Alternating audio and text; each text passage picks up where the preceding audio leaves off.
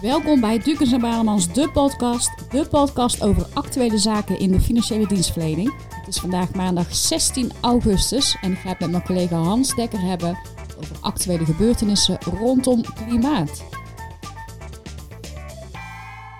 Ja, en er is genoeg actualiteit eh, als het gaat om het klimaat. En voor jou als financieel professional ook een steeds belangrijker onderwerp. Want het klimaat en duurzaamheid is in jouw adviesgesprek met je, met je klant eh, denk ik niet meer eh, weg te denken. Eh, maar het is misschien is goed als wij onszelf even voorstellen, Sandra. Ja, een goed idee. Ik trap af. Nou, mijn naam is Sandra van Raak. Ik werk bij Dukens en Balemans op de afdeling vakmanschap. En naast de WFT hou ik me ook vooral bezig met maatwerkopdrachten rondom het thema sustainability, oftewel social impact. Onder andere voor ABN AMRO, Rabobank, maar ook voor de Welte Holding hebben we hier aangewerkt. Ehm, en op dit moment ben ik midden in een project voor het regionaal energieloket, dus actueler kan niet.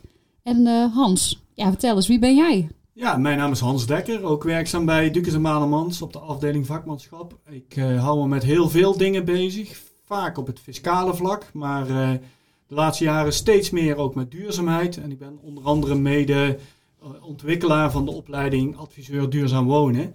En in dat kader eh, eigenlijk eh, bijzonder geïnteresseerd geraakt in het eh, ja, verduurzamen van de eigen woning.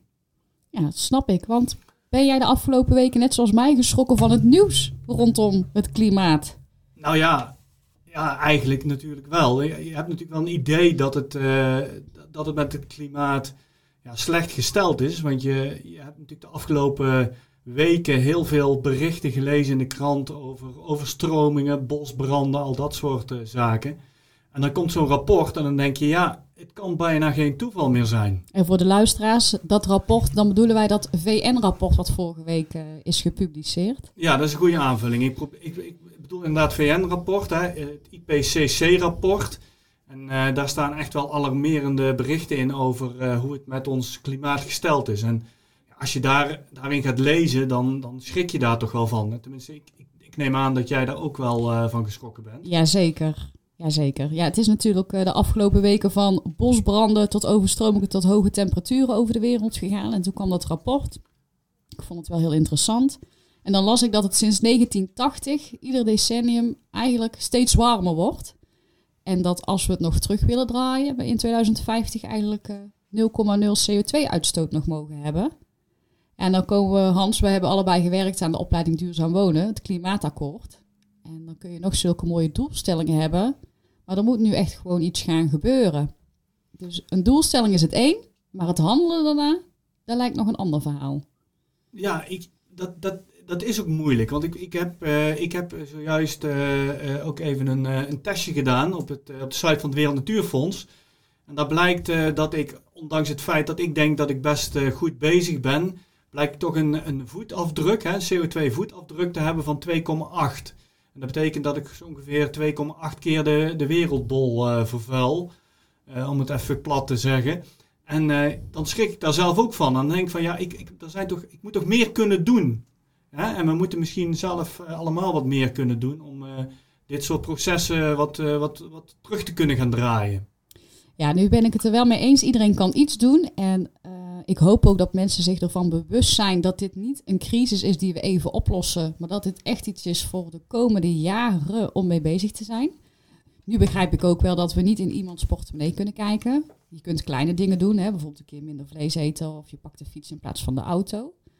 Maar zodra je wel meer geld te besteden hebt, dan zou je zonnepanelen kunnen aanleggen. En ja, mocht je echt gewoon geld over hebben, wellicht een elektrische auto. En ik denk dat in dat middenstuk, hè, dus als je het hebt over de woning, dat daar een cruciale schakel zit voor de luisteraars als financieel adviseur, of in ieder geval werkzaam in de financiële dienstverlening, om ook de gewone burger aan het denken te zetten. Ja, ik, ik denk dat je daar wel gelijk in hebt. Ik denk ook dat eh, van jou verwacht wordt, steeds vaker als financieel professional, dat je met je klanten ook het gesprek aangaat over hoe dat zij eh, tegen verduurzaming aankijken. En met name op de, op de momenten dat een, dat een klant bij jou aan, tafel komt, dat zijn altijd momenten in het leven van een klant waarbij er keuzes gemaakt moeten worden, hè, vooral als het gaat om de eigen woning. Dan is het of een verbouwing eh, of een aankoop van een eigen woning. En als je dat dan op de agenda zet, dan denk ik dat best wel veel uh, uh, klanten zeggen van nou, ik moet daar eens goed over nadenken. Ik denk dat dat nog te weinig gebeurt. Ja, of dat je klanten überhaupt aan het denken zet. Er zullen er echt wel zijn die hè, er al heel bewust mee bezig zijn. Maar ik geloof ook dat er een grote groep is die daar misschien niet zo bewust mee bezig uh, is. Dus als jij dan als financieel adviseur dit toch ter sprake brengt, en dan plaat je zeg maar een zand, dan, hè, dan plant je een zaadje waarbij mensen toch aan het denken worden gezet. En daarom is het denk ik ook wel belangrijk. Kijk, je hoeft natuurlijk geen energiecoach te zijn. Hè? Je hoeft niet van alles uh, uh, de details te kennen van de zonnepanelen, maar wel dat je weet wat de mogelijkheden zijn. Ja, nou ja, en het is ook niet zo moeilijk hoor. Want, want als je je een beetje in verdiept, hè, en, en hoeft het niet eens zonnepanelen te zijn, maar een simpele uh, maatregel als isoleren van je spouwmuur of van je dak. Of dubbel glas. Of dubbel glas, ja, dat kan al heel veel, heel veel uitmaken.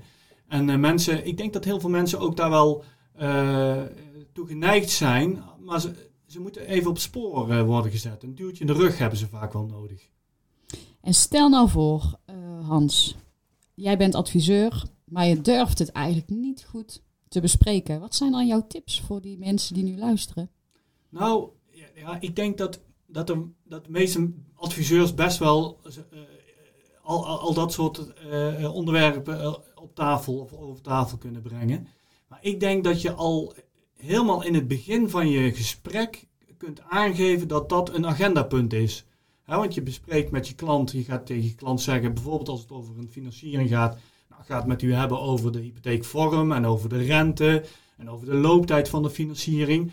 En als je daar al in dat, dat begingesprek al, in het begin van het gesprek al aangeeft, maar we gaan het ook hebben over uh, verduurzaming en hoe je daar tegenover staat en wat je kunt doen en welke uh, simpele maatregelen er al mogelijk zijn om toch een, een groot effect te hebben ja, dan denk ik dat een klant in ieder geval al voorbereid is op het feit wanneer je dat ter sprake gaat brengen, ehm, als het meer inhoudelijk uh, uh, op de agenda komt te staan. Ja, goede tip. Ja, en je ziet, wat je ook ziet is dat je uh, ook ja, verplicht een energielabel gekoppeld moet zijn aan je woning. Dus voordat je woning kunt verkopen, moet je een verplicht energielabel hebben. Ook handig voor de mensen die dus die woning kopen. Dan weten ze of dat te werk aan de winkel is of niet. Ja, dat is natuurlijk het hele idee daarachter. Maar dat, dat moet wel vastgesteld worden, zo'n energielabel. Ja, dat is wel ook een mooi bruggetje, Hans. Want uh, ik zit, wat ik net ook al bij de intro vertelde, midden in een project voor het regionaal energieloket. En dat is eigenlijk een opleiding voor mensen tot energiecoach. Uh, dus naast de financiële adviseurs, die niet alle details hoeven te kennen, dat je als energiecoach zeg maar, bij de mensen thuis komt om te kijken, oké, wat is nu het energielabel? Uh, wat kan er nog gebeuren? En dan hebben we het inderdaad over beter isoleren, misschien ander glas, wellicht zonnepanelen, uh, dat soort zaken. En dat er dan ook wordt gekeken naar kleine maatregelen, zoals bijvoorbeeld je lampen vervangen door ledverlichting in plaats van die gloeilamp. Maar ook de grotere maatregelen. En dan inderdaad tijdens gebeurtenissen zoals een verbouwing of een aankoop en dat soort zaken. Dus ik denk wel dat het ook echt een goed iets is om te zien dat de overheid uh, met alle bedrijven en burgers samen wel echt ja, de handen ineen slaan om toch uh, ja, die crisis die nu uh, gaande is, weer terug te kunnen dringen. Maar dan hebben we natuurlijk ook een ander aspect. Er moet ook een deel bekostigd worden. Als je kijkt naar alle maatregelen, denk aan de wegennetten, elektrische oplaadpalen voor die elektrische auto's en dat soort zaken. En dan denk ik dat we ook, Hans, over duurzaam beleggen, uh, ja, die kant wel op kunnen gaan. Ja, wat, wat je ziet is, en dat lees je nu ook in de krant, um, dat, dat bijvoorbeeld de infrastructuur rondom, uh, rondom ons elektriciteitsnet, dat, dat vergt heel veel investeringen de komende jaren. Um, maar ook als het gaat om andere investeringen rondom windparken en uh, zonne, zonneparken. Nou, je ziet dat, uh, dat daar heel veel geld voor nodig is. En een, een, deel van het geld komt natuurlijk van de overheid en ook uh, deels vanuit het bedrijfsleven. Maar uh, wat je ook ziet is dat je als, als burger of als particulier ehm, daarin bij kan dragen door bijvoorbeeld eh, op een duurzame manier je geld te beleggen. Mm -hmm. um, en ik denk dat als steeds meer adviseurs ook en met de klanten praten over van ja, hoe, hoe doe je dat nou? En wat je ook ziet is uh, mensen die duurzaam beleggen, die, die, uh, die maken evenveel rendement als uh, mensen die, uh, die gewoon op een traditionele manier beleggen. Dus er is ook helemaal geen belemmering of reden om, om niet voor een duurzame belegging te kiezen. Het risico is er niet groter. Nou, het risico is niet groter, maar ook het rendement is niet minder goed. Of, of, of dus je kunt heel, heel makkelijk uh, via, via banken voor een duurzame beleggingsportefeuille kiezen. Um, en we hebben ook in onze opleidingspakket hebben wij een, een e-learning duurzaam beleggen. Waarbij je als financieel professional de handvatten krijgt, of handvaten krijgt, om met klanten ehm, over duurzaam beleggen te praten en, en te adviseren. Ja, Hans, het uh, nieuwe VN-rapport geeft dus eigenlijk de bevestiging van wat wij al lang wisten, hè? dat er uh, directe actie nodig is. En ja, we hebben nu ook eigenlijk samen al besproken dat het een en ander al wel gedaan wordt door de overheid, bedrijven en wij als burgers, die toch de handen samen ineens slaan. Om de CO2-uitstoot natuurlijk te verminderen. Maar er zullen ook altijd uh, critici zijn. Ja, ja dat, dat, dat klopt ook. Er zijn altijd critici en die zullen eigenlijk, ik denk ook altijd wel blijven.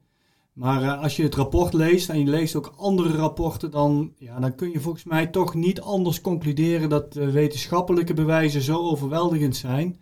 Ja, dat je geen andere richting in kunt wijzen dan de mens hè, als oorzaak van klimaatverandering. En uh, ja, dat wij het ook als mens gezamenlijk, hè, dus dan bedoel ik het echt met iedereen, op moeten gaan lossen. En ervoor moeten gaan zorgen dat, dat, dat, dat mijn kinderen, jouw kinderen, onze kinderen ja, ook nog kunnen, kunnen genieten van, uh, van mooie natuur. Um, en niet uh, worden opgezadeld met, uh, ja, met, met de effecten die wij eigenlijk voor ons achterlaten. Ja, want die effecten zijn onder andere, hè, dat kwam ook uit dat rapport, juist hele hevige stormen. Of juist hele hoge temperaturen, bosbranden. Want zo las ik zelfs, en daar was ik eigenlijk eerlijk gezegd niet van op de hoogte, dat zelfs in Siberië nu een bosbrand gaande is. Ja, ja en dat, dat, dat, dat, je ziet die extreme steeds meer. En ik, ik las ook van, als we, als we niks doen, dan zijn dadelijk de Waddeneilanden verdwenen. Ja, nou, dan ben, ook. dan ben ik er dit jaar toevallig op vakantie geweest. En uh, ik zou dat iedereen wel willen gunnen, want het is daar echt mooi. Um, dus daar moeten we voor zorgen dat dat, uh, dat, dat niet gebeurt. Ja, ik denk dat onze boodschap duidelijk is. We moeten er met z'n allen iets aan doen. Uh, we hopen dat we jou ja, toch geactiveerd en geïnspireerd hebben om dit ook met je klanten te bespreken. Hè? Of dat het nu is tijdens een uh, adviesgesprek over de hypotheek of met beleggen of gewoon op een verjaardagsfeestje van joh, heb jij nou nog die oude gloeilamp hier in die hanglamp hangen? Hè? Ik doe maar iets.